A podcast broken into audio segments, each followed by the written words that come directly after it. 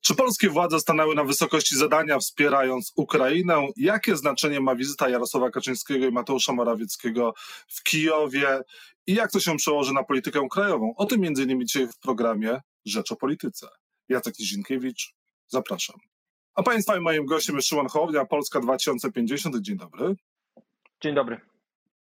Jakie znaczenie miała wczorajsza wizyta premiera e, Jarosława Kaczyńskiego i premiera Mateusza Morawieckiego w Kijowie? Na pewno symboliczne. To już było wiadomo wczoraj. Takie symboliczne gesty są potrzebne przede wszystkim Ukraińcom, którzy w ten sposób pokazują, że ich państwo funkcjonuje normalnie, odbywają się wizyty międzynarodowe, e, przyjeżdżają delegacje, toczą się rozmowy a więc w pewnym sensie toczy się ten polityczny, jeżeli można tak powiedzieć, w tych okolicznościach business as usual. Ukraina zachowuje swoją podmiotowość na arenie międzynarodowej. To jest poważny zastrzyk dla morale obrońców, e, dla tych, którzy zdecydowali się jeszcze z Kijowa nie wyjechać, e, żeby go bronić, e, w, że ktoś do tego Kijowa przyjeżdża. Natomiast trzeba też pamiętać o innych wymiarach tego typu wizyt. Po pierwsze, taka wizyta to jest realne narażenie życia nie tylko delegacji, ale też i dziesiątek albo i setek osób przygotowujących tę wizytę. Takie wizyty odbywają się w, zwykle powinny w zabezpieczeniu wywiadowczym z udziałem sił specjalnych pewnie obu państw w takie wizyty są też w pewnym sensie dekonspiracją i wystawieniem na strzał ukrywających się czy zmieniających miejsca pobytu w władz ukraińskich, gospodarzy, ukrywających się nie w pejoratywnym sensie, tylko po prostu takim techniczno-taktycznym, bo wiadomo przecież na Załęskiego polują nie tylko Wagnerowcy. Natomiast rozczarowaniem jest to, co ta wizyta przyniosła, czy co mogła przynieść konkretnie, a czego nie przyniosła. Słyszeliśmy zapowiedzi ministra Dworczyka o tym, że tam zostanie przedstawiony w imieniu Rady Europejskiej, w imieniu całej wspólnoty Europejskiej pewien szeroki pakiet, y, niewidziany jeszcze wsparcia dla Ukrainy. Nic takiego nie nastąpiło. Później okazało się, że tego mandatu Rady Europejskiej ani NATO dla tej wizyty też nie było, a więc nie było decyzji, że coś konkretnego na tej Ukrainie Morawiecki z Janszą i Fialą i z Kaczyńskim mają w cudzysłowie wypakować. Y, pojawiły się wypowiedzi Kaczyńskiego o tym, że należałoby wymagać od NATO zrobienia tam jakiejś misji pokojowej. Mm, wypada dzisiaj pytać no o konkrety.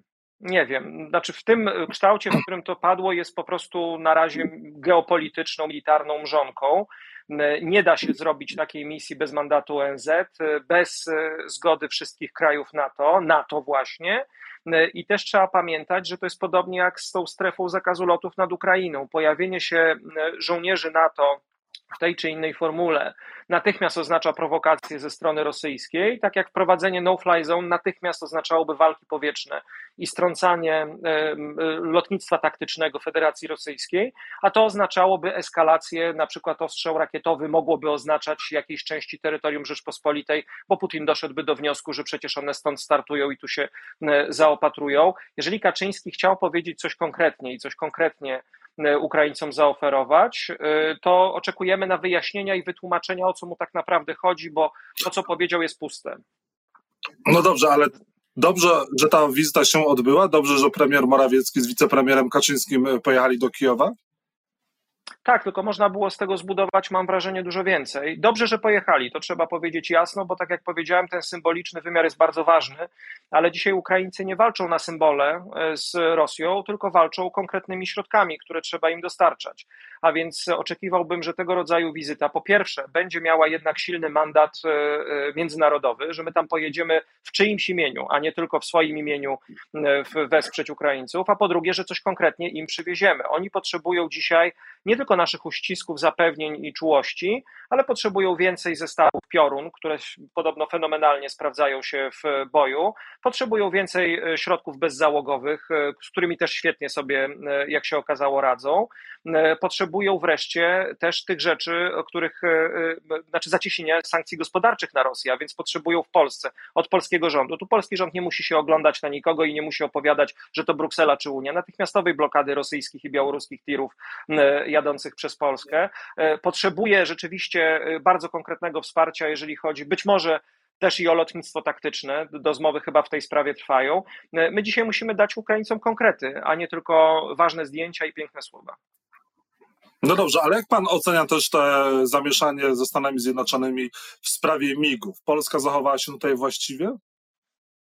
Źle oceniam i myślę, że tutaj nałożyły się dwa czynniki. Po pierwsze, zdaje się, tak wynika też z moich trochę różnych informacji, i nasłuchów i rozmów, e, że tutaj e, wszyscy chcieli dobrze, tylko popełniono dwa zasadnicze błędy. Po pierwsze, wojskowi rozmawiali sami, a ambasadorowie czy dyplomacja, raczej rządy, ambasadorowie chyba dowiedzieli się na końcu, e, rozmawiali sami, dyplomaci rozmawiali sami, nie rozmawiali z wojskowymi i gdzieś to się rozlazło po kościach i było za dużo dobrych chęci, które natychmiast weszły na Twitter, weszły w domenę publiczną, zaczęło się nawzajem przepychanie, a to my damy zielone światło, to znaczy, że wy sami sobie róbcie. Druga strona mówi, no dobrze, ale to zaraz, no jak mamy sami robić, jeżeli e, te samoloty będą startowały z naszego terytorium i Rosja może uznać to za akt agresji. Nastąpił, e, to było zamieszanie absolutnie skandaliczne, absolutnie niepotrzebne. Takie e, sprawy powinno załatwiać się w taki sposób, żebyśmy dowiadywali się o nich po fakcie kiedy już to się stało, od tygodnia to samoloty pracują na Ukrainie, są już ukraińskie i my wtedy dowiadujemy się e, o całej sprawie. E, wygląda na to, że w tej chwili wykonano jakiś reset tej sytuacji, e, zapanowała cisza nad tym tematem. Wydaje mi się, że on nie umarł do końca i zobaczymy, co z tego wyniknie. Wiemy, że lotnictwo ukraińskie E, dzisiaj. Oczywiście potrzebuje wsparcia, ale w ocenie wielu specjalistów e, dużo bardziej potrzebuje dzisiaj E, w e, zestawów po prostu przeciwlotniczych, potrzebuje broni przeciwrakietowej, przeciwlotniczej. Wspomniałem już tutaj o piorunach. E, wszyscy widzimy, jak używają dronów, które nie do tego teoretycznie powinny służyć, czyli tych tureckich TB2, które miały być głównie rozpoznawcze, a u nich służą jako broń ofensywna. Ukraińcy potrafią radzić sobie z bronią i powinniśmy dzisiaj dostarczać im więcej systemu, więcej informacji, E, ja jestem oczywiście też za tym, żeby przekazać im te postradzieckie samoloty ze wszystkich krajów na to, z których można byłoby to zrobić, tylko to trzeba zrobić mądrze i pies jest pogrzebany nie w woli politycznej, tylko w jednej podstawowej rzeczy. Jak te fizycznie samoloty miałyby się na tej Ukrainie znaleźć? Nad tym się wszyscy dzisiaj głowią i nad tym się zastanawiają. Ale Polska nie powinna bezpośrednio przekazywać e, tych samolotów, nie powinna też e, narażać się i przekazywać amunicji, nie powinna posyłać tam swoich wojsk? Polska na pewno nie powinna posyłać tam wojsk, e, bo to są żołnierze natowscy, którzy, jak mówię, znaleźliby się w strefie konfliktu. Natychmiast Rosja urządziłaby prowokację i natychmiast doszłoby do tego, że byłaby wojna NATO, już nie wtedy Polski z Rosją na terytorium Ukrainy. kontruderzenia Rosji, które można sobie wyobrazić w tym stanie, w którym dzisiaj znajduje się Putin, upokorzonego agresora, na infrastrukturę, dajmy na to wojskową e, we wschodniej Polsce, do tego nie możemy dopuścić. Natomiast oczywiście powinniśmy dostarczać broń Ukraińcom, z której oni zrobią użytek. Powinniśmy dostarczać wyrzutnie, powinniśmy dostarczać e, e, to, czego dzisiaj Ukraińcy potrzebują w porozumieniu z naszymi e, partnerami z NATO. Powinniśmy też zadbać o swoje własne bezpieczeństwo. Dzisiaj powinniśmy na NATO bardzo mocno naciskać, żeby wzmocniło obronę, ochronę tej wschodniej flanki, na której stoi tyle wojska i która jest naszym terytorium. Mowa była o dwóch bateriach Patriot, które Amerykanie sprowadzili do ochrony swoich dywizji 82, o ile dobrze pamiętam, 101. Natomiast my potrzebujemy tutaj od 6 do 8 baterii Patriot e, w Syrii, znaczy w Turcji w czasie wojny w Syrii. E, zdeponowano, rozstawiono 6 E, takich baterii. NATO ma taki sprzęt. Może zostać on tutaj wysłany e, i my tego sprzętu dzisiaj tutaj w Polsce razem z zestawami rakietowymi HIMARS, e, które pozwolą nam skutecznie odstraszyć tych, którzy chcieliby zaatakować nas rakietami, jeszcze na ich terytorium jesteśmy w stanie powstrzymać. Tego dzisiaj też potrzeba. Musimy myśleć o bezpieczeństwie Ukrainy. Ono jest ściśle sprzężone z bezpieczeństwem Polski dzisiaj. Wkrótce do Polski przyjedzie prezydent Stanów Zjednoczonych Joe Biden co powinien usłyszeć od e, naszych rządzących, jak Stany Zjednoczone powinny się zachować e, w sprawie konfliktu e, z, na, między Rosją a Ukrainą i czy powinny wejść wojska NATO na Ukrainę i powinny się włączyć w te działania. I może tak udałoby się tę wojnę szybciej zakończyć. Znaczy, na pewno doszłoby do przegranej Rosji, ale za potężną cenę. To znaczy, tak jak powiedziałem już, za cenę potężnej eskalacji. To znaczy, Putin czeka na, również propagandową, na taką opowieść, proszę bardzo, Zachód zaatakował nas wprost, mamy wreszcie wroga, wobec którego możemy się polaryzować, wreszcie nie ma udawania na tej Ukrainie, tylko od razu wiadomo z kim walczymy, że to Amerykanie, Polacy, Łotysze i tak dalej, i tak dalej. I to oznaczałoby być może nawet konflikt nuklearny. My naprawdę musimy zdawać sobie sprawę, że ten człowiek przyciśnięty do ściany, osaczony, z wykrwawioną gospodarką, w, nadal niestety dysponuje potężną, śmiercionośną bronią. To by się skończyło oczywiście, tak jak mówię, jego przegraną.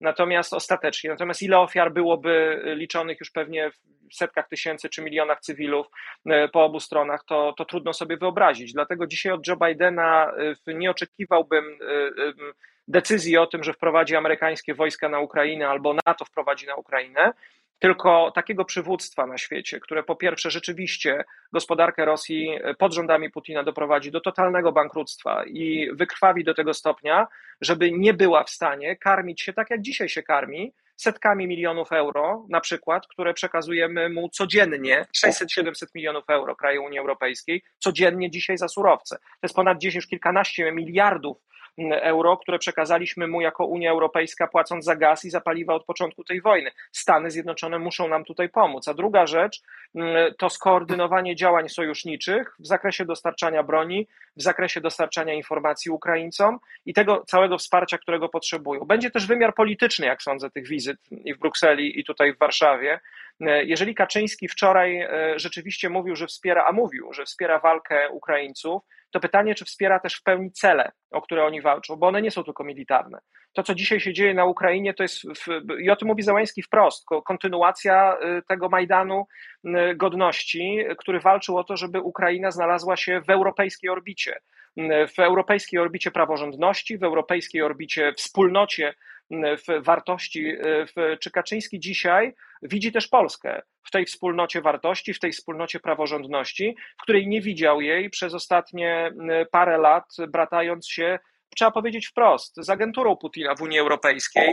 Mam tu na myśli Orbana, mam, który skandalicznie zachowuje się w czasie tej wojny i niestety jest szansa, że wygra w najbliższe wybory na Węgrzech. Mam na myśli tego no nie chcę tutaj użyć zbyt mocnych słów e, w pana kulturalnym towarzystwie, ale mm, no głupka, może jednak powiem tak, Salviniego czy Marine Le Pen? E, która też wprost e, rosyjską narrację w Unii Europejskiej sprzedaje. Zostało nam 40 sekund. Zostało nam 40 sekund. Donald Tusk pojechał na, na Węgry wspierać e, opozycję, która się zjednoczyła przeciwko e, Orbanowi. Czy jest taka szansa, że opozycja w Polsce się zjednoczy podobnie przed wyborami? I czy te szanse na wspólną listę z Platformą się zmieniły? Czy jest jak było? Pan zdania nie zmienia.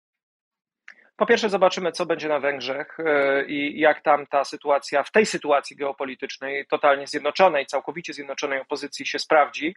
Po drugie, nie wiemy, kiedy będą wybory. Są plotki, jak pan dobrze wie, w Warszawie, że to może być znowu, pojawiły się plotki, że może być szybciej niż później w tej e, całej sytuacji. Ja nadal stoję na swoim stanowisku, że decyzje powinniśmy podjąć wszyscy w momencie, w którym będziemy wiedzieli, kiedy te wybory się odbędą i gdzie jesteśmy. Dzisiaj nie widzę e, więcej korzyści zrobienia jednej listy niż zrobienia dwóch list. Widzę więcej ryzyk przy jednej liście, ale jak mówię, decyzje jeszcze nie zapadły, a żadne podejście nie powinno być zdogmatyzowane na tym etapie. Czyli wspólnej listy mimo wszystko pan nie wyklucza.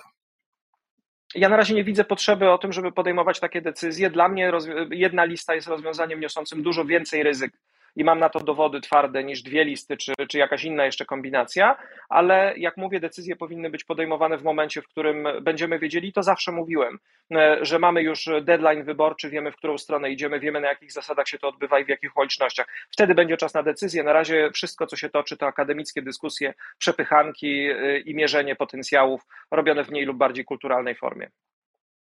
A propos mierzenia, to nasz czas już się skończy, ale muszę panu zadać jeszcze jedno pytanie. Proszę powiedzieć, czy ma pan takie wrażenie, że ta wizyta e, prezesa Kaczyńskiego i premiera Morawieckiego, ona będzie teraz wykorzystywana w Polsce do uprawiania partyjnej polityki?